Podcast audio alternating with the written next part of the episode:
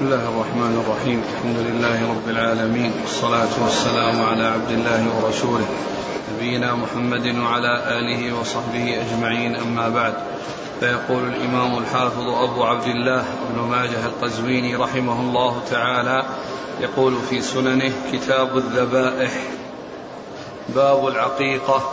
قال حدثنا أبو بكر بن أبي شيبة وهشام بن عمار قال حدثنا سفيان بن عيينة عن عبيد الله بن أبي يزيد عن أبيه عن سباع بن ثابت رضي الله عنه عن أم كرز رضي الله عنها أنها قالت سمعت النبي صلى الله عليه وعلى آله وسلم يقول عن الغلام شاتان متكافئتان وعن الجارية شاه. بسم الله الرحمن الرحيم. الحمد لله رب العالمين. وصلى الله وسلم وبارك على عبده ورسوله نبينا محمد وعلى آله وأصحابه أجمعين. يقول الإمام ماجد رحمه الله كتاب الذبائح.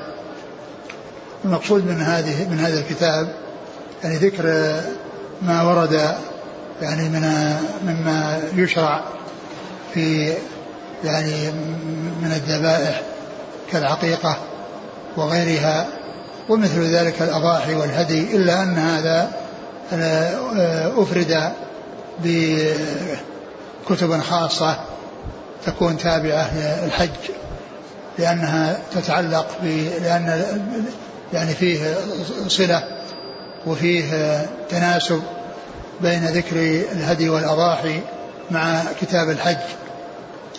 ولكن آه، كتاب الذبائح يراد به ما جاء مما يسوغ أو مما يعني شرع آه، ذبحه كالعقيقة. وكذلك الأحكام المتعلقة بالذبح في كيفيته والإحسان في ذبح الذبيحة. ثم أورد آه، كتاب العقيقة باب العقيقة وهذا وهذه من من جملة الأشياء التي آه، تدخل تحت هذا الكتاب لأنها ذبيحة من الذبائح. و وهذه الذبيحة التي هي العقيقة هي سنة مؤكدة لمن كان قادرا وموسرا فإن هذا من آكد السنن ومن آه، أفضلها.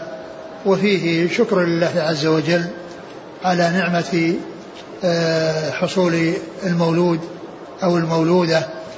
فجاءت السنة عن رسول الله عليه الصلاة والسلام في أحاديث متعددة بمشروعيتها. ومنها هذا الحديث عن أم كرز رضي الله تعالى عنها أن النبي عليه الصلاة والسلام قال عن الغلام شاتان مكافئتان وعن وعن وعن الجارية شات يعني أن العقيقة تكون في حق الذكور آه، شاتين وفي حق الإناث آه، شاة واحدة و, و وهذه إحدى المسائل الخمس التي كانت أو جاء جاءت الشريعة في أن النساء على نصف الرجال فيها وهي العقيقة لأنه عن الغلام شاتين عن الغلام يذبح عن الغلام شاتان ويذبح عن الجارية شات وكذلك الميراث لذكر متحضر الأثنين وكذلك العتق. من اعتق آه، مملوكا كان فكاكه من النار ومن اعتق جاريتين كانتا فكاكه من النار وكذلك أيضا الدية. فإن الأنثى على النصف من دية الرجل والخامسة الشهادة. فإن المرأة على نصف من شاة رجل فيما يتعلق بالأموال كما جاء ذلك في آية الدين. فإن لم يكون رجلين فرجل وامرأتان. فهذه خمس من المسائل آه، النساء على النصف من الرجال فيها. والأصل هو التساوي بين الرجال والنساء في الأحكام وأن الأحكام إذا جاءت مطلقة فإنها للرجال والنساء. وإذا جاءت مقيدة بالنساء فهي خاصة بالنساء وإذا جاءت مقيدة بالرجال فهي خاصة بالرجال وإلا فإن الأصل أن الأحكام تجري على الرجال والنساء وأنه لا فرق بين الرجال والنساء.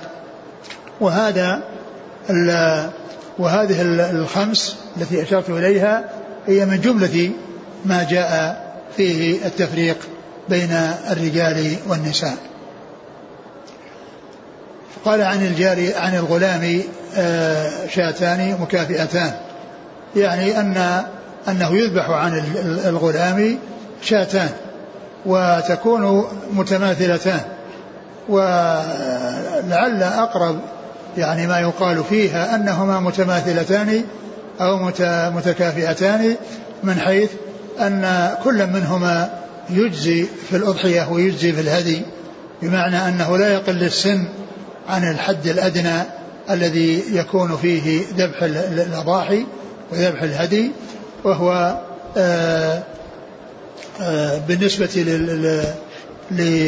للظأن يعني أقل شيء ستة أشهر وبالنسبة للمعز أقل شيء يعني سنة فلا ينقص كل منهما عن هذا عن هذا السن فتكون الشاتان متماثلتان يعني في هذا. ولا يلزم أن تكون متساويتين يعني من حيث الصفة. ومن حيث القيمة فإنه لو حصل التفاوت في ذلك فإن الأمر في ذلك سهل. لكن الذي ينبغي أن آه، تكون من أوفى ما يكون على حسب القدرة على ذلك. وإلا فإن الشيء الذي لا بد منه هو ألا تنقص كل منهما عن الحد الأدنى الذي هو ستة أشهر بالنسبة للضأن وسنة بالنسبة للمعز. نعم. قال حدثنا أبو بكر بن أبي شيبة. ثقة أخرج أصحاب الكتب إلا الترمذي. وهشام بن عمار. صدوق أخرج البخاري وأصحاب السنن. عن سفيان بن عيينة. ثقة أخرج أصحاب الكتب. عن عبيد الله بن أبي يزيد. وهو؟ ثقة أخرج أصحاب الكتب. نعم. عن أبيه. وهو؟ وثقه ابن حبان. أخرجه نعم. أبو داود والترمذي وابن ماجه. نعم. عن سباع بن ثابت. وهو معدود في الصحابة. أخرج له أصحاب السنن. عن أم كرز رضي الله عنها أخرج لها أصحاب السنن قال حدثنا أبو بكر بن أبي شيبة قال حدثنا عفان قال حدثنا حماد بن سلمة قال أنبانا عبد الله بن عثمان بن خثيم عن يوسف بن ماهك عن حفصة بنت عبد الرحمن عن عائشة رضي الله عنها أنها قالت أمرنا رسول الله صلى الله عليه وعلى آله وسلم أن نعق عن الغلام شاتين وعن الجارية شاه. ثم ذكر هذا الحديث عن عائشة رضي الله عنها ومثل الحديث الذي قبله أن الجارية أن الغلام يعق عنه بشاتين والجارية يعق عنها بشاة واحدة.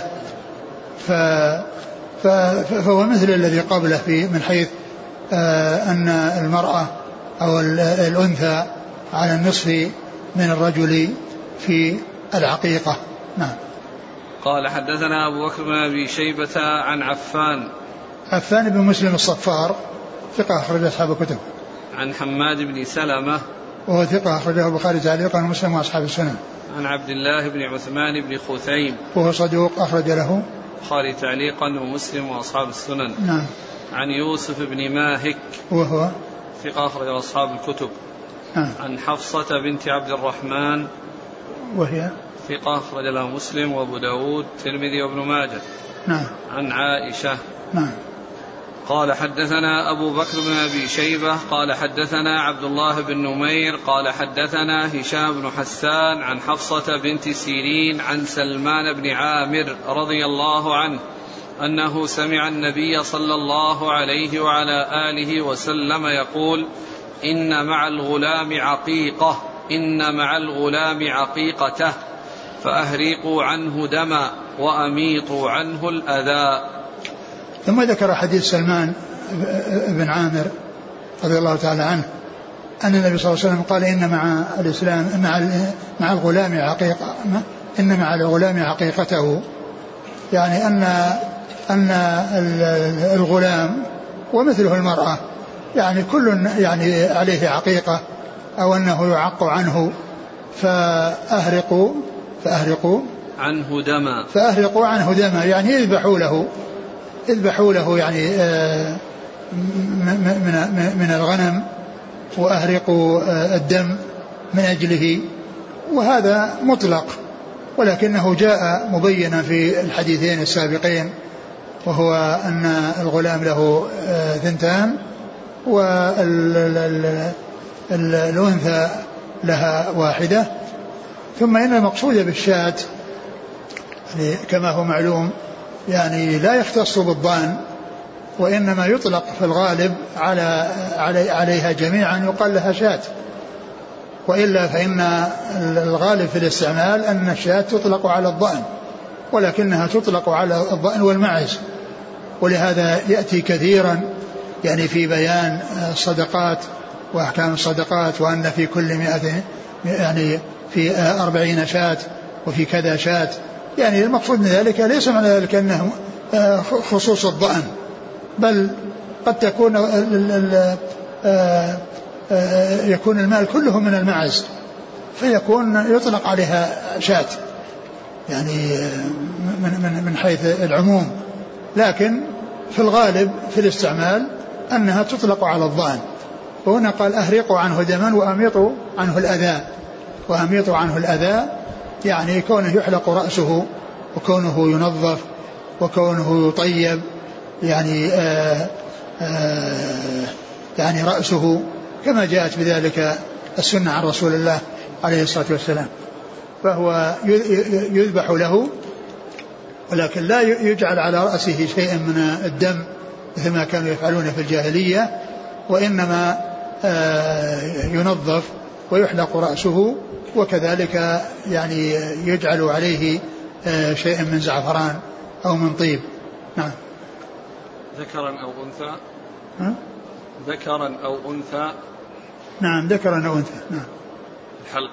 والله الذي يبدو لأن الغالب أن الأحكام يعني تذكر مع ال مع ال مع الرجال وقد والنساء مثلهم وكذلك الغلام أحيانا يأتي ويكون يعني ما يشمل يعني يشمل الانثى والمقصود من من من من حلقه إزالة يعني هذا الشعر الضعيف وإزالة يعني ما يتعلق به من أوساخ وكذلك الطيب.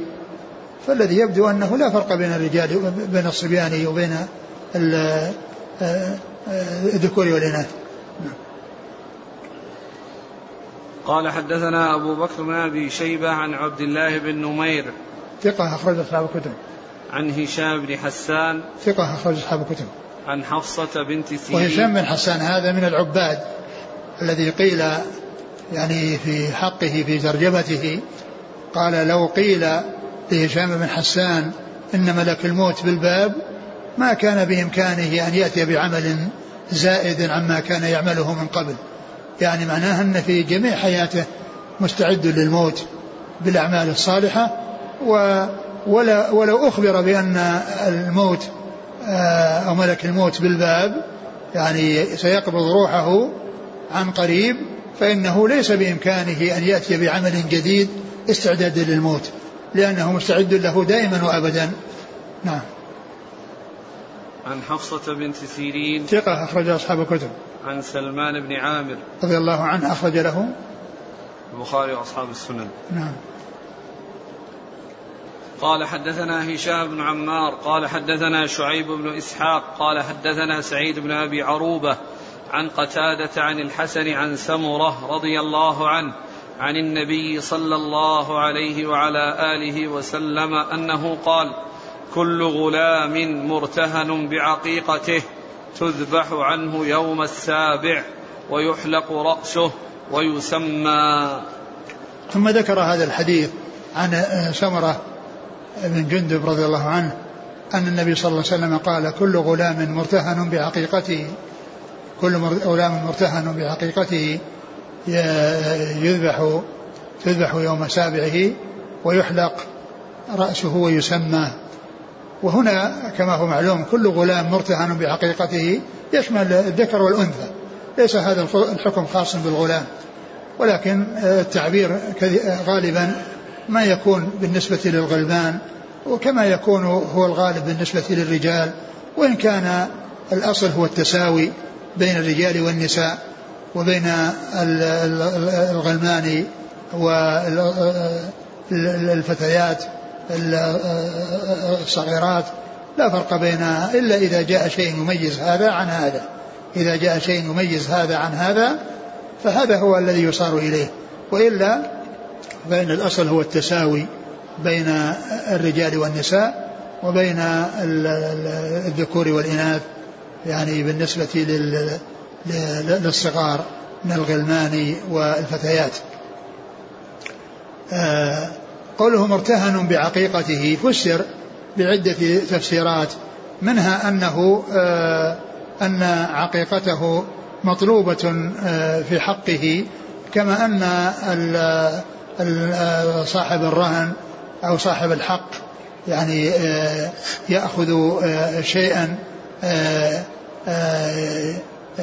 يستثبت فيه من من من حقه ويطمئن إلى سلامة حقه ووصوله إليه. ثم قال تذبح يوم سابعه يعني في اليوم السابع من ولادته يعني يحسب من ولادته. وفي اليوم السابع آه، يكون يعني ذبح ذبح العقيقة للذكور والإناث ويحلق رأسه أيضا وقد جاء أنه أيضا يتصدق بوزنه ورق ويسمى يعني إذا لم تكن حصلت تسميته من قبل. والتسمية يمكن أن تكون في أول الأمر كما ثبت في صحيح مسلم عن النبي صلى الله عليه وسلم أنه قال لما ولد ابنه إبراهيم قال ولد الليلة, ولد الليلة لي غلام وسميته باسم أبي إبراهيم فإنه سماه يعني في يوم ولادته ولد الليلة لي غلام وسميته باسم أبي إبراهيم فإذا لم يكن سمي من قبل فإنه يسمى في ذلك اليوم أو تعلن التسمية في ذلك اليوم وإلا فإن التسمية يجوز أن تكون يعني قبل ذلك كما ثبتت بذلك السنة عن رسول الله صلى الله عليه وسلم.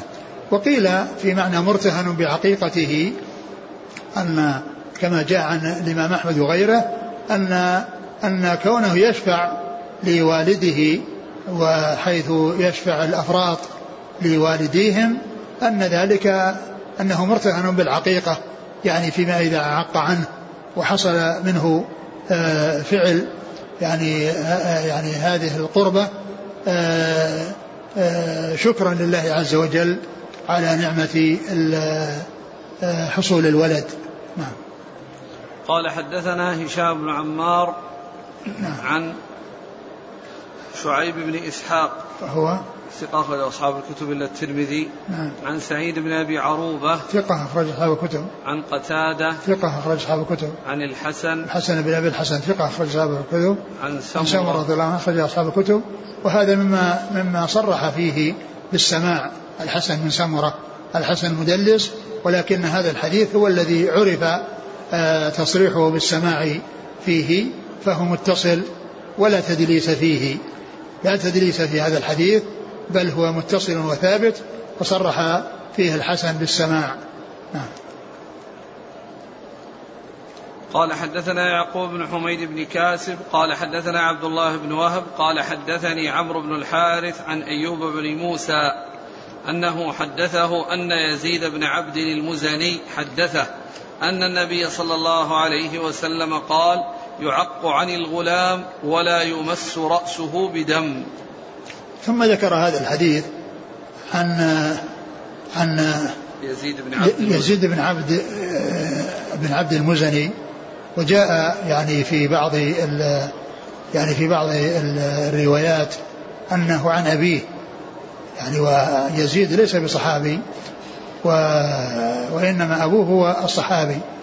وقد وجاء أنه روى هذا الحديث وأن رواية عبد الله بن يزيد إنما إنما هي عن أبيه الذي هو الصحابي. وبدون ذكر أبيه يكون مرسل يكون مرسلا لأن التابعي إذا أضاف شيئا إلى النبي صلى الله عليه وسلم فإنه يكون مرسلا. ولكن هذا الحديث جاء أنه عن أبيه وقوله يعق يعق عن الغلام. نعم ولا يمس رأسه بدم. يعق عن الغلام وهذا موافق لما تقدم. وكذلك قوله لا يمس رأسه بدم يعني مثل ما كانوا يفعلون في الجاهلية يعني حيث يلطخونه بالدم. وإنما جاءت السنة أنه لا يعني آه، يلطخ بدم وإنما يجعل مكان هذا الذي كانوا يفعلونه في الجاهلية وهو شيء آه، سيء ورديء يعني يجعل مكان شيء طيب وهو الطيب بأن يكون زعفران أو غيره. نعم. قال حدثنا يعقوب بن حميد بن كاسب صدوق أخرج له. خالف خلق أفعال عباد بن ماجه. نعم. عن عبد الله بن وهب المصري ثقة أخرج أصحاب الكتب. عن عمرو بن الحارث المصري ثقة أخرج أصحاب الكتب. عن أيوب بن موسى وهو؟ ثقة أخرج أصحاب الكتب. نعم. عن يزيد بن عبد المزني وهو مجهول. مجهول الحال. مجهول الحال نعم. وله ابن ماجه. نعم. وأبوه أخرج له ابن ماجه. صحابي أخرج له ابن ماجه. وقيل ليس له إلا هذا الحديث الواحد في ترجمته في التقريب. في ترجمة في التقريب رمز لابن ماجه وقال له حديث واحد وهو هذا الحديث.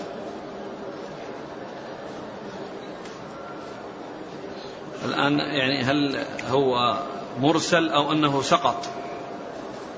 لأن هو هو يعني هو الآن الموجود هذا مرسل لكنه جاء في يعني في آآ آآ يعني أنه جاء متصلا بذكر أبيه.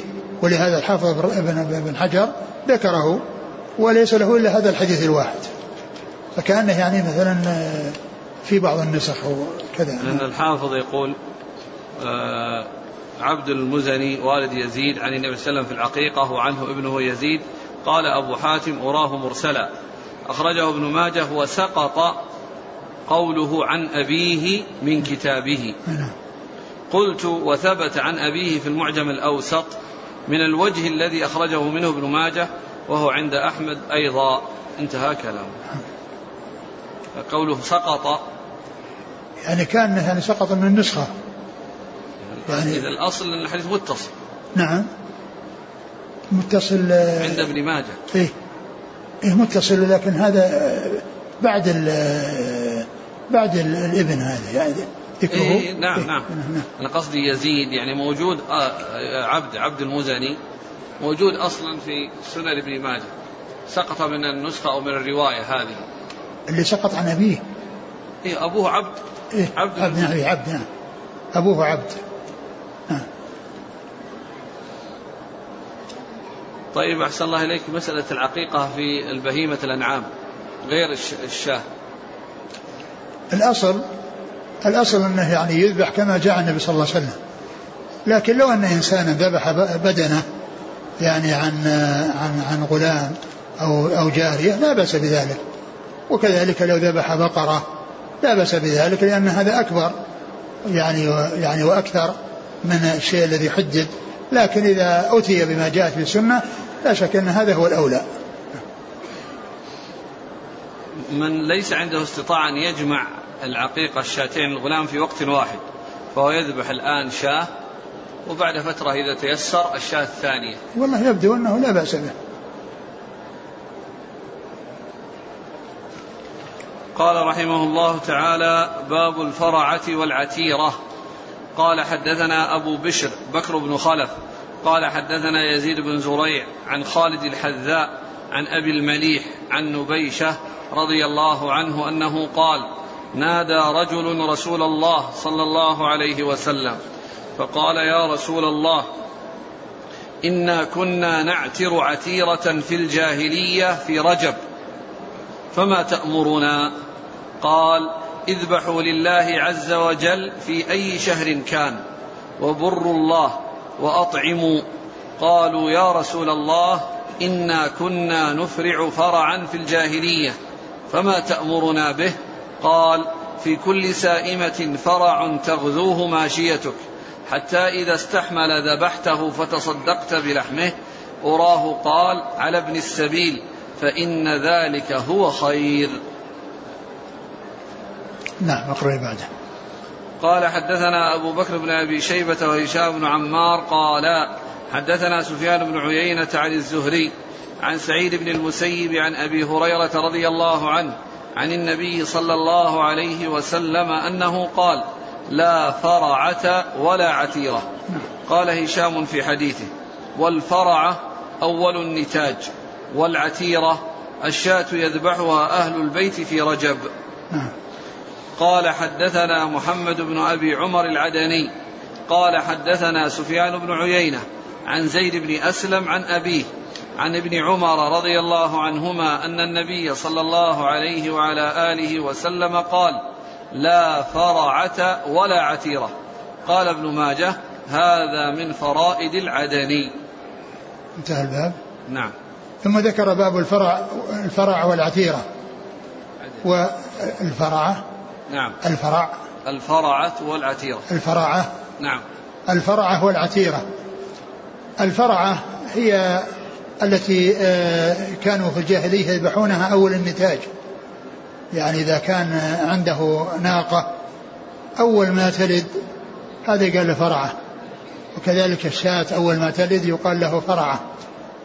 ف والعتيرة هي الشاة التي كانوا يذبحونها في رجب يتقربون بها لآلهتهم. يعني هذه كانت من أعمال الجاهلية. فجاء الإسلام وسئل عليه الصلاة والسلام عن هذه الأعمال فجاء في بعض الروايات أن أن الرواية الأولى أن أن أن الإنسان يتقرب إلى الله عز وجل لله في كل شهر ما يكون آه، يخصه في شهر معين إلا ما جاء فيما يتعلق بالأضاحي فإنها تذبح في آه، يوم العيد وأيام التشريق وأما ما عدا ذلك فإنه لا يتقيد يعني شيء بشهر معين. مثل ما كانوا يفعلونه بالجاهلية من أنهم يذبحون شاة في, في, في رجب في رجب خاصة وكانوا يذبحونها لأصنامهم. فجاء الإسلام بأن بأنهم لا يخصون يعني الذبح والتقرب إلى الله عز وجل بشهر معين وأنهم يتقربون إلى الله عز وجل بالطاعات وكذلك بالصدقات والإحسان سواء كان عن طريق الذبح للحيوان وتوزيع لحمه والتصدق به أو عن طريق الإحسان ببذل المال أيا كان يعني ذلك المال أو من أي نوع من أنواع المال. فقال فالنبي صلى الله عليه وسلم بين بأنهم آه، يتقربون إلى الله عز وجل بالأعمال الصالحة في كل في كل وقت. وهذا ليس فيه يعني آه، ليس فيه التخصيص يعني في شهر رجب مثل ما جاء. يعني مثل ما كانوا يفعلونه في الجاهلية وإنما قال يعني اذبحوا في كل في كل وقت وبروا لله عز وجل يعني تقربوا إلى الله عز وجل بالأعمال الصالحة التي هي من البر والتقرب إلى الله عز وجل بذبح الذبائح والتصدق بها مطلقا والإحسان إلى الناس مطلقا هذا أمر مشروع لكن لا يتقيد بوقت معين إلا فيما يتعلق بالأضاحي فإنها تكون آه، مشروعة في وقت معين فإنها مشروعة في وقت معين. وأما الفرع فالنبي صلى الله عليه وسلم قال أن آه، قال إيش؟ يقول قالوا يا رسول إنا كنا نفرع فرعا في الجاهلية. نعم. فما تأمرنا؟ قال في كل سائمة فرع تغذوه ماشيتك حتى إذا استحمل ذبحته فتصدقت بلحمه على ابن السبيل. يعني كان آه كان الجاهلية يعني يذبحونه يعني في أول الأمر يذبحونه في أول الأمر. والرسول عليه الصلاة والسلام جاء عنه في هذا الحديث أن أن في كل سائمة فرع وأنك تغدوه بمعنى أنه يغذى ولا يذبح صغيرا بحيث يعني لحمه لا يكون جيدا ولا يكون آه، كثيرا وإنما يترك حتى يعني آه، يترك حتى حتى, إذا استحمل ذبحته حتى إذا استحمل يعني كبر وصار يعني آه، لحمه جيدا فإنك تذبحه وتصدق به نعم. على ابن السبيل. نعم. وتصدق به على ابن السبيل. يعني جاء في هذا الحديث هذا التفصيل. لكنه جاء في الحديث اللي بعده أو الحديثين اللي بعده أنه لا فرع ولا عتيرة. يعني هذا الذي كان في الجاهلية آه، غير غير غير معتبر في الإسلام. وغير آه، آه، مأمور به في الإسلام ولا يفعل في الإسلام. فمن العلماء من قال ب بمقتضى ما جاء في هذا الحديث الأول وأن ذلك أن ذلك يفعل على هذا الوصف الذي جاء النبي صلى الله عليه وسلم.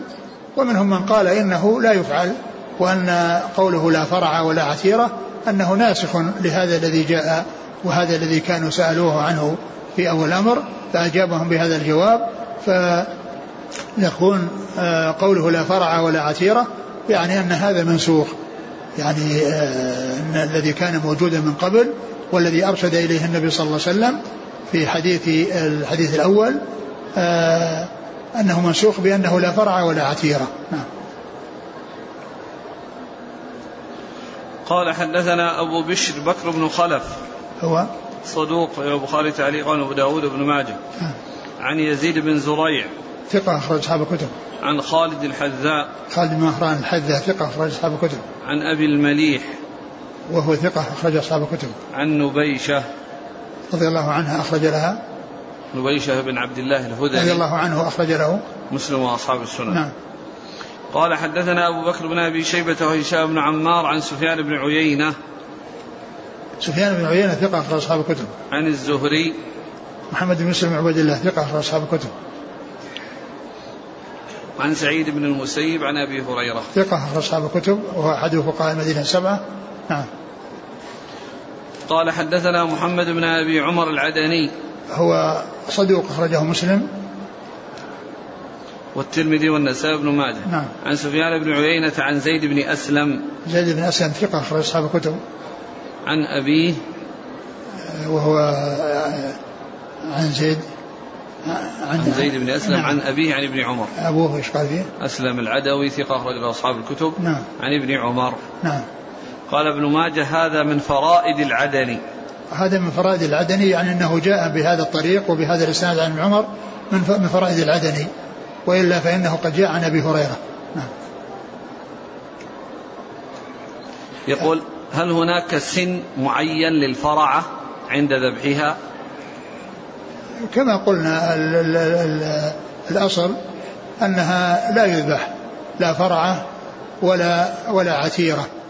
لكن الذي جاء يعني في الحديث الأول أنه إذا استحمل وقضية السن يعني لا أدري لكن الذي يظهر أنه لا فرع.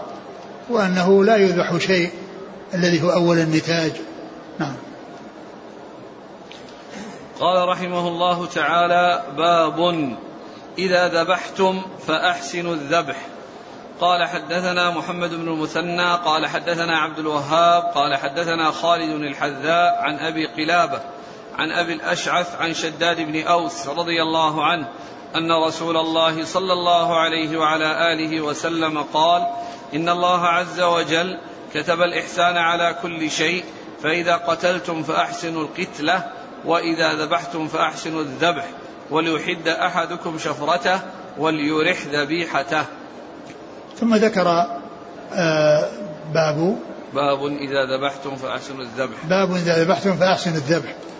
يعني هذا من من الأحكام المتعلقة بالآداب والأعمال التي يكون بها الذبح. وأنه يكون فيه الإحسان وعدم التعذيب للحيوان عند ذبحه فيأخذ فيعمل الأعمال التي فيها آه، حصول الذبح مع إراحة الذبيحة وعدم تعذيبها. ثم ذكر حديث شداد بن أوس رضي الله تعالى عنه أن النبي صلى الله عليه وسلم قال إن الله كتب الإحسان على كل شيء. وهذا كلام عام وجملة عامة فيها الإحسان على كل شيء. وأن الإحسان مطلوب في كل شيء. و, و, و والله تعالى والله عز وجل أمر بالإحسان وأخبر أنه يحب المحسنين. فالإحسان هنا ذكر عاما ثم ذكر هذا التمثيل لهذه القضية العامة أن هذا من من جملة الإحسان الذي اشتملت عليه الجملة السابقة. فقال فإذا ذبحتم فأحسن الذبحة. فإذا قتل فإذا قتلتم فإذا قتلتم فأحسنوا القتلة. إذا قتلتم من يستحق القتل فأحسنوا القتلة بمعنى أنكم لا تعذبوه لا, لا تعذبوه. اللهم إلا إذا كان قصاصا وكان في ذلك مماثلة لكونه فعل شيئا فإنه يفعل به ما فعل يعني حيث لا يكون محرما. وذلك مثل ما جاء مر بنا في بعض الأحاديث. أن اليهودي الذي رض جارية بين رأسها بين حجرين فالنبي صلى الله عليه وسلم أمر برض رأسه بين حجرين لأنه عومل بمثل ما عامل غيره به. وإلا فإن أنه إذا لم يكن بهذا الاعتبار أو بهذه الحال التي آه، تطلب فيها المماثلة وأن الإنسان يجازى بمثل ما فعل فإن الأصل أنه يحسن إليه في قتله. فيقتل القتلة التي فيها راحته وإزهاق نفسه بسهولة وبدون تعذيب له عند قتله. وإذا ذبحتم فأحسن الذبحة. وإذا ذبحتم يعني شيء من الحيوانات فأحسن الذبحة. بمعنى أنكم تعملون كل شيء فيه آه، إراحة الذبيحة وذلك بحد الشفرة التي هي السكين بحيث تكون حادة بحيث آه، تمضي في قتله بسرعة وبسهولة وعدم تعذيبه بآلة كالة. قال فإذا وإذا ذبحتم فأحسن الذبحة. ثم ذكر شيئا يعني يتعلق بإحسان الذبحة. قال وليحد أحدكم شفرته. يعني وهذا من من, من أسباب حسن الذبحة. يحد يحد شفرته أي السكين التي يذبحها يذبح بها. فإنه يحدها يعني بحيث تكون حادة وذلك بأن يجري آه، مكان الذبح منها على حجر آه، بحيث آه، تكون حادة بسبب ذلك. فإذا وليحد أحدكم شفرته وليرح ذبيحته لأن المقصود من الإحسان والمقصود من حد الشفرة هو إراحة الذبيحة بحيث لا يحصل لها عذاب. يعني وهي وهي وهي تذبح وليحد أحدكم شفرته وليرح ذبيحته لأن المقصود من من إحسان الذبحة وكذلك حد الشفرة هو إراحة الذبيحة وعدم تعذيبها. نعم. ويعني وهذا من أسامي السكين يعني في ثلاث أسامي يقال يقال مدية ويقال شفرة ويقال سكين. قال حدثنا محمد بن المثنى. هو أبو موسى العنزي الملقب بالزمن ثقة أخرجه أصحاب الكتب وهو شيخ لأصحاب الكتب. عن عبد الوهاب. عبد الوهاب الثقفي وهو؟ ثقة أخرج أصحاب الكتب. نعم. عن خالد الحذاء عن نعم. أبي قلابة. عبد الله بن زيد الجرمي ثقة أخرج أصحاب الكتب. عن أبي الأشعث وهو ثقة أخرج له. قال في المفرد ومسلم وأصحاب السنن نعم. عن شداد بن أوس رضي الله عنه أخرج له. أصحاب الكتب. نعم. قال حدثنا أبو بكر بن أبي شيبة قال حدثنا عقبة بن خالد عن موسى بن محمد بن إبراهيم التيمي قال أخبرني أبي عن أبي سعيد الخدري رضي الله عنه أنه قال مر النبي صلى الله عليه وسلم برجل وهو يجر شاة بأذنها فقال دع أذنها وخذ بسالفتها. وهذا أيضا من الإحسان يتعلق بالإحسان إلى يعني الحيوان وذلك أنه عندما يريد أن يعني يقوده لا يقوده بإذنه وإنما يقوده برقبته. لأن قوده بالإذن يعني يكون الجسم كله متحمل لهذا يعني بهذا بالإذن عندما يجرها ويكون هذا الجسم الكبير يعني آه، آه، يتبع الإذن فيكون في ذلك مضرة على الإذن على إذن البهيمة. فلا تجر بإذنها وإنما تجر برقبتها. سالفتها يعني رقبتها بحيث يعني يمسكها يعني من من, من أحد جوانبها أو من فوق رقبتها قريبا من الرأس. ف يعني آه، يجرها بذلك أو يقودها يقودها بذلك. أما أن يجرها بأذنها وهي وهو جسم ثقيل فإن ذلك يؤثر على الأذن وفيه تعذيب للحيوان. فأرشد النبي صلى الله عليه وسلم إلى الطريقة التي ليس فيها مضرة وليس فيها إساءة للحيوان. والحديث في إسناده ضعف ولكن لا شك أن معناه صحيح لأنها لأن الإحسان إلى الحيوان داخل تحت قول إن الله كتب الإحسان على كل شيء وهذا من الإحسان لأن كونه يجر بأذنه هذا فيه مضرة وفيه تعذيب للحيوان. وأما كونه يجر برقبته فإن ذلك لا يترتب عليه مضرة للحيوان. نعم. قال حدثنا أبو بكر بن أبي شيبة عن عقبة بن خالد. هو؟ صدوق أصحاب الكتب. نعم. عن موسى بن محمد بن إبراهيم التيمي. وهو؟ منكر الحديث. نعم. وله الترمذي وابن ماجه. نعم. عن أبيه. وهو؟ ثقة لأصحاب الكتب. نعم. عن أبي سعيد الخدري. سعد بن مالك بن سنان رضي الله عنه. وهو أحد السبع المكثرين من حديث الرسول صلى الله عليه وسلم. قال حدثنا محمد بن عبد الرحمن. ابن أخي حسين الجعفي. قال حدثنا مروان بن محمد. قال حدثنا ابن لهيعة. قال حدثني قرة بن حي بن حيوئيل عن الزهري عن سالم بن عبد الله بن عمر عن أبيه عبد الله بن عمر رضي الله عنهما أنه قال أمر رسول الله صلى الله عليه وسلم بحد الشفار وأن توارى عن البهائم وقال إذا ذبح أحدكم فليجهز. ثم ذكر يعني هذا الحديث عن ابن عمر رضي الله عنهما أن النبي صلى الله عليه وسلم أمر بحد الشفار. يعني حد الشفار الذي التي هي السكاكين والمدى. يعني شفار جمع شفرة. قد مر في الحديث السابق مفرد فليحد أحدكم شفرته وهنا قال بحد الشفار. يعني وهو يعني كما قلت إجراء الجهة المحددة التي يكون بها الذبح والتي تماس آه، الذبيحة ويحصل ذبحها من جهتها فإنها آه، تحد على حجر أو بالشيء الذي يوضع لها. يعني مثل ما هو موجود في هذا الزمان يعني يوجد يعني يعني شيء دخل فيه يعني هذا الحد ويجرى يعني فيه فيحصل في ذلك يعني آه، كونه يكون حادا يحصل به الذبح بسهولة. ولا إيش؟ أمر بحد الشفار وأن توارى عن البهائم. وأن توارى عن البهائم. يعني لا تذبح والبهائم تراها لأن ذلك فيه إيذاء للحيوان الذي آه، لم يحصل ذبحه. فإذا كانت الذبائح يعني يراد ذبحها فلا تذبح في مكان واحد جميعها بحيث تكون الحيوانات الأخرى تراها وهي تذبح فإن ذلك يؤلمها ويكون فيه تعذيب لها فإنها تذبح ليس وليس يراها شيء من الحيوانات. نعم. وقال إذا ذبح أحدكم فليجهز. فليجهز يعني يسرع يعني في الذبح يعني بحيث آآ آه، آآ آه، يكون إراحة الذبيحة بسهولة. وبسرعة وبحيث لا يكون لها يعني يحصل لها تعذيب.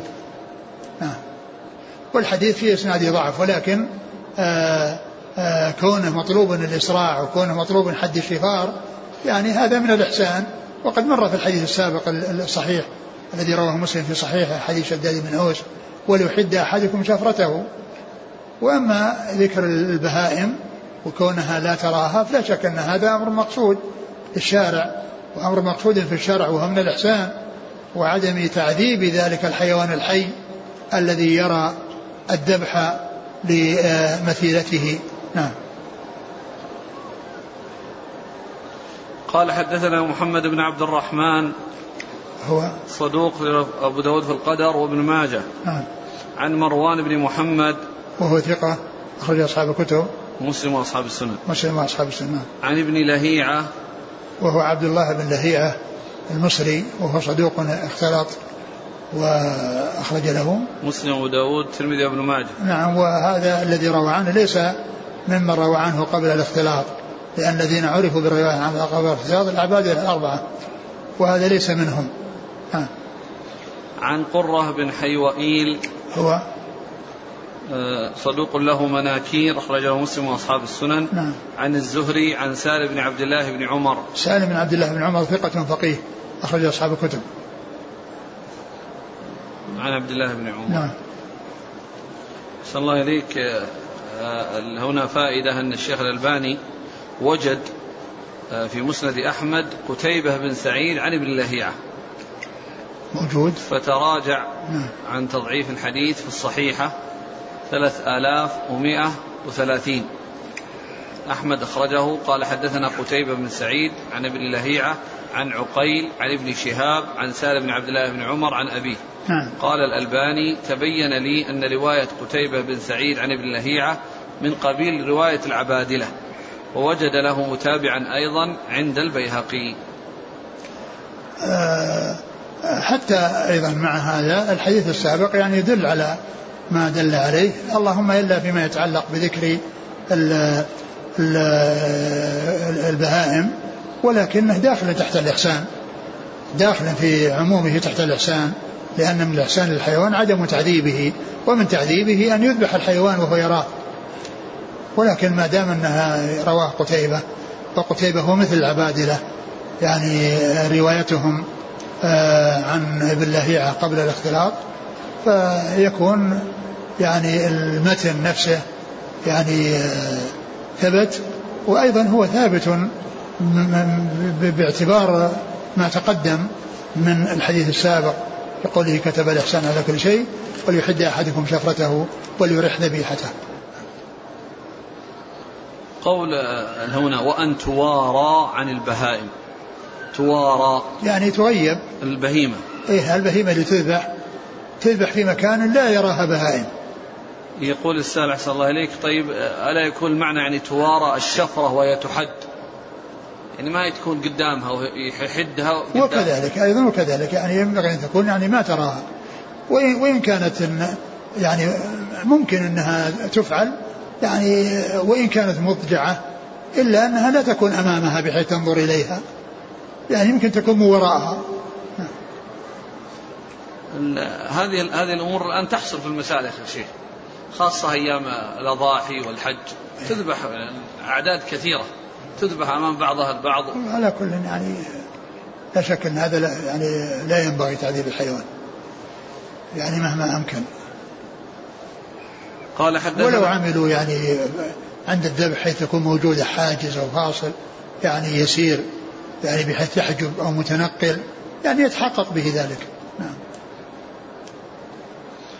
قال حدثنا جعفر بن مسافر قال حدثنا أبو الأسود قال حدثنا ابن لهيعة عن يزيد بن أبي حبيب عن سالم عن أبيه عن النبي صلى الله عليه وسلم مثله. قال حدثنا جعفر بن مسافر قال حدثنا أبو الأسود قال حدثنا ابن لهيعة عن يزيد بن أبي حبيب عن سالم عن أبيه عن النبي صلى الله عليه وسلم مثله. على كل هو فيه باللهيعة يعني والذي روى عنه ليس ممن روى عنه قبل الاختلاط. لكن آه، كما ذكرت أن الحديث السابق يعني يدل على ما دل عليه وأيضا ما ذكرتم من أن قتيبة أنه أنه جاء في الإمام أحمد أنه رواه أو روي الحديث من طريقه فيكون آه، الحديث يعني قد ثبت. قال حدثنا جعفر بن مسافر هو صدوق ربما أخطأ أخرج أبو داود والنسائي بن ماجه. نعم. عن أبي الأسود هو النضر بن عبد الجبار الثقة أخرج أبو داود والنسائي بن ماجه. نعم. عن ابن لهيعة عن يزيد بن أبي حبيب. ثقة أخرج أصحاب الكتب عن سالم عن أبيه. نعم. قال رحمه الله تعالى باب التسمية عند الذبح. قال حدثنا عمرو بن عبد الله قال حدثنا وكيع عن إسرائيل عن سماك عن عكرمة عن ابن عباس رضي الله عنهما في قوله تعالى وإن الشياطين ليوحون إلى أوليائهم قال كانوا يقولون ما ذكر عليه اسم الله فلا تأكلوه وما لم يذكر اسم الله عليه فكلوه فقال الله عز وجل ولا تأكلوا مما لم يذكر اسم الله عليه ثم ذكر يعني باب التسمية عند الذبح. يعني أنه عند الذبح يسمى الله عز وجل. عند عندما يبدأ الإنسان بالذبح يسمى الله فيقول بسم الله. ف آه، وإذا نسي يعني عند أن يقول بسم الله فإنها فإنه فإن الذبيحة تؤكل. فإن الذبيحة تؤكل ولا يؤثر يعني كونه تركت نسيانا. ثم ذكر هذا الحديث عن عن عن, عن ابن عباس في قوله عز وجل وإن الشياطين لا يوحون إلى أوليائهم ليجادلكم فيه. فقال كانوا يقولون يعني في الإيحاء إليهم والوسوسة إيش؟ ما ذكر؟ كانوا يقولون ما ذكر عليه اسم الله فلا تأكلوه. يعني آه، ما ذكر عليه اسم الله فلا تأكلوه. يعني الشياطين توحي إليه يعني إلى إخوانهم من آه، الإنس أن ما ذكر اسم الله عليه لا يؤكل. وان ما وان ما لم يذكر هو الذي يؤكل. وهذا هو عكس للحق. يعني معاكسة للحق ومناقضة له. والأصل أن الذي يذكر اسم الله عليه هو الذي يؤكل. والذي لا يذكر اسم الله عليه هو الذي لا يؤكل. نعم. فقال الله تعالى ولا تأكلوا مما لم يذكر اسم الله عليه. ولا تأكلوا مما لم يذكر اسم الله الذي يعني كانوا يقولون كلوا. كلوا مما لم يذكر اسم الله عليه. هنا قال لا تأكلوا. نعم. قال حدثنا عمرو بن عبد الله. هو؟ ثقة أخرج ابن ماجه. عن وكيع. ثقة أخرج أصحاب الكتب. عن إسرائيل. ثقة أخرج أصحاب الكتب. عن سماك عن عكرمة. وهو صدوق أخرج له البخاري تعليقا ومسلم وأصحاب السنن. وعكرمة هو ابن عباس ثقة أخرج أصحاب الكتب. وفيه رواية عكرمة عن ابن عن رواية سماك. عن عكرمة ويعني فيها ضعف لكنه توبع. نعم. تسمية واجبة فإذا نسيت. فإذا نسيت فإنها لا يؤثر نسيانها فإنها تؤكل إيه طيب إذا جهلت كان الذابح جاهلا. وكذلك أيضا. قال حدثنا أبو بكر بن أبي شيبة قال حدثنا عبد الرحيم بن سليمان عن هشام بن عروة عن أبيه عن عائشة أم المؤمنين رضي الله عنها أن قوما قالوا يا رسول الله إن قوما يأتون بلحم لا ندري ذكر اسم الله عليه أم لا قال سموا أنتم وكلوا وكانوا حديثي عهد بالكفر ثم ذكر هذا الحديث أن عن عائشة. عن عائشة رضي الله عنها قالت أن قوما كانوا يأتون بلحم لا ندري أذكر اسم الله عليه وكانوا حديث عهد بالكفر وكانوا حديث عهد. قال أنتم سموا وكلوا. فقوله سموا وكلوا ليس المقصود به تعويضا عن تسميتهم هم وإنما المقصود من ذلك هو كون الإنسان يسمي عند الأكل. يعني يسمي عند عند الأكل و وليست هي عوضا عن تسميتهم. وذلك أن المسلمين يعني تحمل يعني آآ آآ الأصل في حمل يعني ذبائحهم على على السلامة ولا يسأل هل سموا أو ما سموا. وكذلك أهل الكتاب الذين يحلون ذبائحهم يعني يعني لا يسأل هل سموا أو ما سموا فإن الأصل هو صحة يعني ما يأتي من, من, من, من غير ما يأتي منهم. و وهنا يعني كما قلت ليس قوله سموا الله وكلوا يعني عوضا عن تسميتهم وإنما أنتم عندما تأكلون تسمون وهذا هو المطلوب منكم. وأما كونهم مسلمون وكذلك مثلهم اليهود والنصارى فإن فإنه لا يلزم أن تعرفوا هل سموا أو ما سموا. نعم. قال حدثنا أبو بكر بن أبي شيبة عن عبد الرحيم بن سليمان. هو ثقة أخرج له. أصحاب الكتب. نعم. عن هشام بن عروة عن أبيه. هشام بن عروة ثقة أخرج أصحاب الكتب وأبوه كذلك. عن عائشة. نعم. قال رحمه الله تعالى باب ما يذكى به. قال حدثنا أبو بكر بن أبي شيبة. قال حدثنا أبو الأحوص عن عاصم عن الشعبي عن محمد بن صيفي رضي الله عنه قال ذبحت أرنبين بمروة. فأتيت بهما النبي صلى الله عليه وسلم فأمرني بأكلهما. ثم ذكر هذه الترجمة باب ما يذبح به. يذكى. باب ما يذكى به. يعني الشيء الذي يحصل به التذكية من سكين أو غير سكين. وقد جاء يعني جاءت الأحاديث دالة على أنه يذبح بكل شيء يعني ما لم يكن سنا أو ظفرا ما لم يكن ظفرا وما لم يكن سنا أي عظما فإنه لا يذبح بالعظام ولا يذبح بالأظفار وإنما يذبح بأي شيء حاد يعني سواء كان من الحديد أو من الزجاج أو من النحاس أو من آه، يعني الخشب من أي شيء أو من الحصى يعني حيث يكون حادا فإن كل ذلك يذبح به. لأن النبي صلى الله عليه وسلم قال ما أنهر الدم وذكر اسم الله عليه فكل ليس السن والظفر. يعني يستثنى السن والظفر فإنه لا, لا, لا يذبح بهما. ثم أورد هذا الحديث عن عن عن, عن, عن محمد بن صيفي. محمد بن صيفي أن, أن, أن أنه جاء قال ذبحت أرنبين بمروة. ذبحت أرنبين بمروة. والمقصود بالمروة الحصاة الملسى الحصى الأملس. هذا هو المرو والمقصود من ذلك أنه كسرها. فصارت الكسرتين يعني آه، حادة. وإلا فإن المرو على وضعه لا يذبح به لأنه حصى أملس من جميع الجوانب. لكن إذا كسرت هذه الحصاة الملسى يظهر يعني لكسرها حد مثل السكين فيذبح به. فيذبح به. فدل هذا على حصول الذبح بالحصى يعني الذي يعني يكسر ويكون حادا فإنه مما يذبح به. وكما قلت أنه يذبح بكل شيء من الحديد أو الحصى أو غير ذلك مما هو حاد يحصل به الذبح ولكن يستثنى من ذلك الظفر والعظام. نعم. تذكرون تقولون مما يحصل به الذبح. نعم. مرادكم مراد بالذي يعني يكون به الذبح يعني كل شيء يذبح به يعني آه، ما عدا السن والظفر. لا نقصد الأشياء التي تقطع ما هي على الصحيح؟ التي تقطع؟ أي. يعني نفس الذبح أي. نفس الذبيحة؟ نعم. يقطع يعني تقطع الرقبة. يعني تقطع الرقبة إلى آه، إلى إلى آخرها.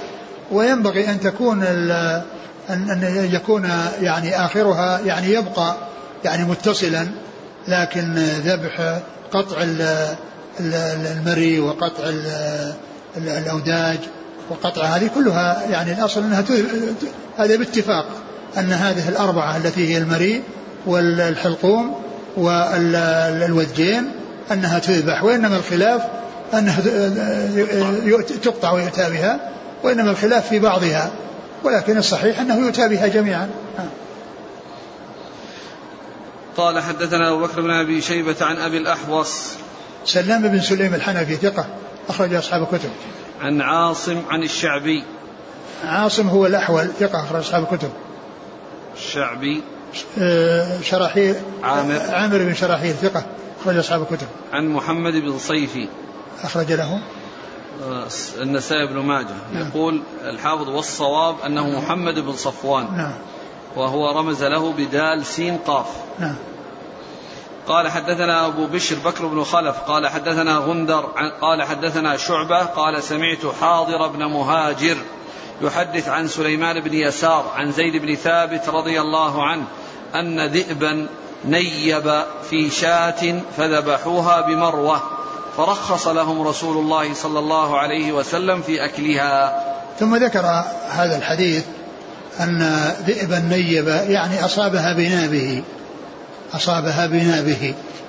وما كان عندهم سكين ذبحوها بمروة. يعني فأذن له النبي صلى بأكلها لأن الذبح بالمروة. هذا الحديث فيه أن ذئبا نيب بشاة يعني أصابها بنابه. ومعنى ذلك أنه أدركت حية. وإلا فإنه لو أصابها بنابه وماتت قبل أن يصلوا إليها فإنها تكون ميتة. ولكنهم أدركوها حية وذبحوها بمروة. يعني مثل ما تقدم في الحديث السابق بذبح الأرنبين بالمروة فأذن النبي صلى الله عليه وسلم لهم بذلك لأنهم ذبحوها بالمروة. وقد جاء في القرآن و وما أكل السبع إلا ما ذكيتم يعني ما أدركتموه يعني في حياة وذكيتموه. وإن مات قبل أن يصلوا إليه وأنه يعني قبل أن يدركوه في حياة فإنه يكون ميتا لكنهم أدركوه وفي حياة فذبحوه بمروة. فدل على أن الذبح بالمرو وبأي شيء يعني حاد يحصل به الذبح أن ذلك سائغ. والحديث في إسناده كلام ولكنه آه، يشهد له الحديث الذي قبله. نعم. قال حدثنا أبو بشر بكر بن خلف عن غندر عن شعبة عن حاضر بن مهاجر. حدثنا بكر بن خلف. هو مر معنا. نعم غندر. كذلك. غندر مر. لا محمد غندر بن. محمد بن جعفر ثقة أخرج أصحاب الكتب. عن شعبة.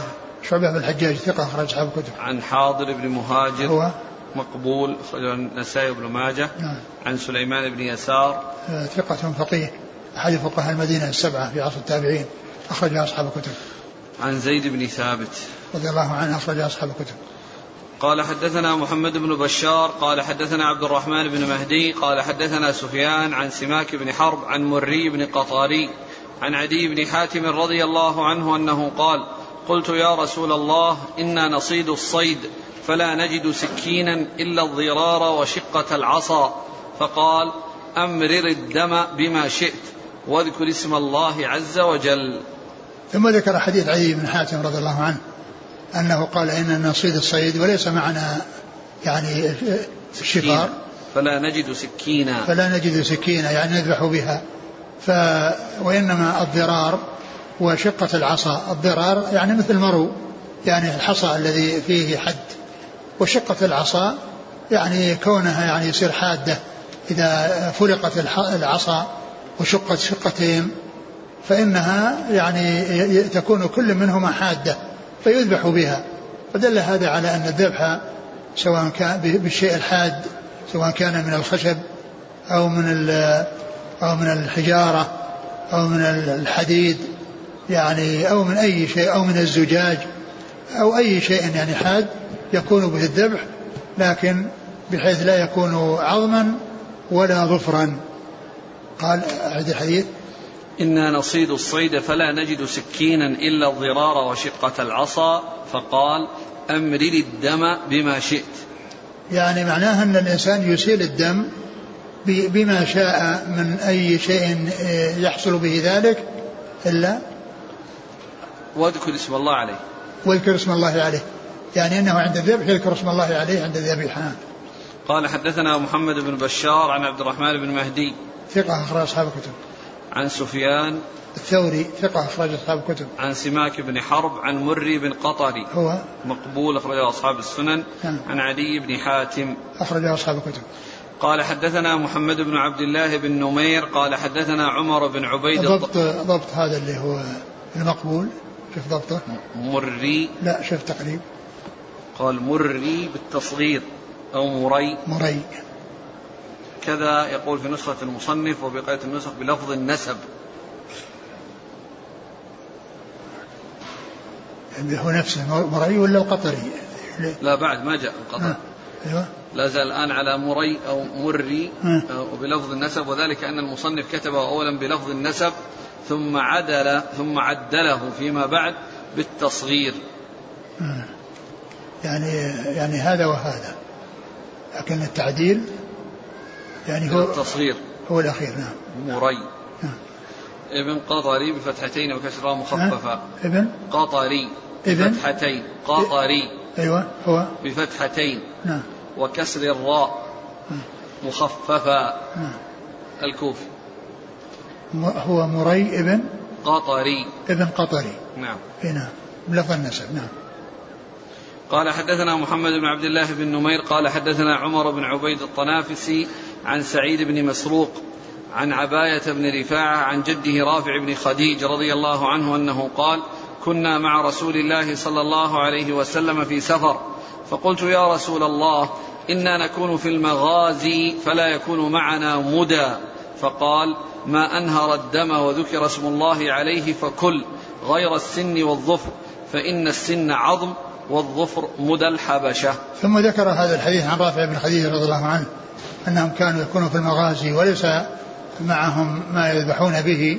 فقال ما أنهر الدم؟ وذكر اسم الله عليه فكل ما أنهر الدم؟ أي شيء ينهر ينهر الدم. وذكر اسم الله فكل ليس السن والظفر. يعني ما عدا السن والظفر. أما السن فعظم والعظام لا لا يذبح بها لأنها لأن الذبح بها تلويث لها. وقد جاء في الحديث أنها طعام الجن طعام الجن فالذبح بها يكون إفساد لطعامهم عليهم. وأما الظفر فمدى الحبشة وهم وهم كفار يعني فيكون في ذلك تشبه بالكفار تشبه بالكفار. فيستثنى من كل ما ينهر الدم يعني هذان اللذان هما السن والعظم. نعم. قال حدثنا محمد بن عبد الله بن نمير ثقة أخرج أصحاب الكتب عن عمر بن عبيد الطنافسي وهو؟ صدوق لأصحاب الكتب. نعم. عن سعيد بن مسروق. ثقة أخرج أصحاب الكتب وهو والد سفيان الثوري. سفيان بن سعيد بن مسروق هذا والده وهو ثقة أخرج أصحاب الكتب. عن عباية بن رفاعة. وهو؟ ثقة أخرج أصحاب الكتب. نعم. عن جده رافع بن خديج. رضي الله عنه أخرج له أصحاب الكتب. انتهى باب السلخ. هاته. قال رحمه الله تعالى باب السلخ. قال حدثنا أبو كريب قال حدثنا مروان بن معاوية قال حدثنا هلال بن ميمون الجهني عن عطاء بن يزيد الليثي قال عطاء لا أعلمه إلا عن أبي سعيد الخدري أن رسول الله صلى الله عليه وسلم مر بغلام يسلخ شاه فقال له رسول الله صلى الله عليه وسلم تنحى حتى أريك.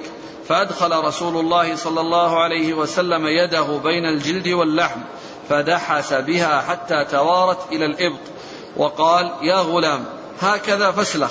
ثم مضى وصلى للناس ولم يتوضأ. ثم ذكر السلخ يعني سلخ الشاة.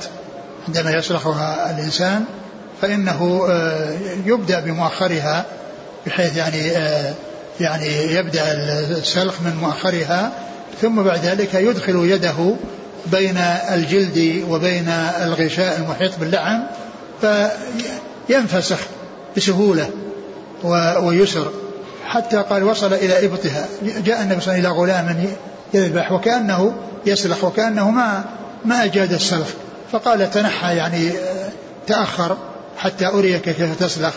فأدخل يده صلى الله عليه وسلم بين الجلد وبين يعني لحمها وجعل يدحس يعني يحرك يعني يده كذا حتى وصلت إلى الأبط الذي هو يعني ما يتعلق باليد. وصل إلى يدها. ودل هذا على أن أن أن, أن, أن هذه الطريقة التي هي, هي, هي التي يكون بها السلخ وأنه لا يحتاج إلى سكين ولا يحتاج إلى أي شيء يستعمل وإنما تدخل اليد وتحرك يعني شيئا فشيئا حتى تصل إلى نهاية الجلد من من من من جهة اليدين والرقبة نعم قال حدثنا أبو كريب آه ثقة أخرج أصحاب الكتب. عن مروان بن معاوية. نعم مر ذكره. عن هلال بن ميمون الجهني. وهو صدوق لأبو داود بن ماجه. نعم. عن عطاء بن يزيد الليثي. ثقة أخرج أصحاب الكتب. قال عطاء لا أعلمه إلا عن أبي سعيد الخدري. نعم. وش آخر الحديث؟ ثم مضى وصلى للناس ولم يتوضأ. ثم صلى مضى الناس وصلى ولم يتوضأ. يعني أنه ما حصل بهذا العمل كونه انتقض وضوءه ومعلوم أن مثل ذلك لا يحصل به انتقاض الوضوء يعني الإنسان لو, لو لمس دما أو كذا أو دم وهو على طهارة فإنه يزيل الدم وهو على طهارته. والله تعالى أعلم وصلى الله وسلم وبارك على رسول نبينا محمد وعلى آله وأصحابه أجمعين. جزاكم الله خيرا وبارك الله فيكم ولهمكم الله الصواب ووفقكم للحق. نفعنا الله ما سمعنا وغفر الله لنا ولكم وللمسلمين أجمعين. سبحانك اللهم وبحمدك. أشهد أن لا إله إلا أنت أستغفرك وأتوب إليك.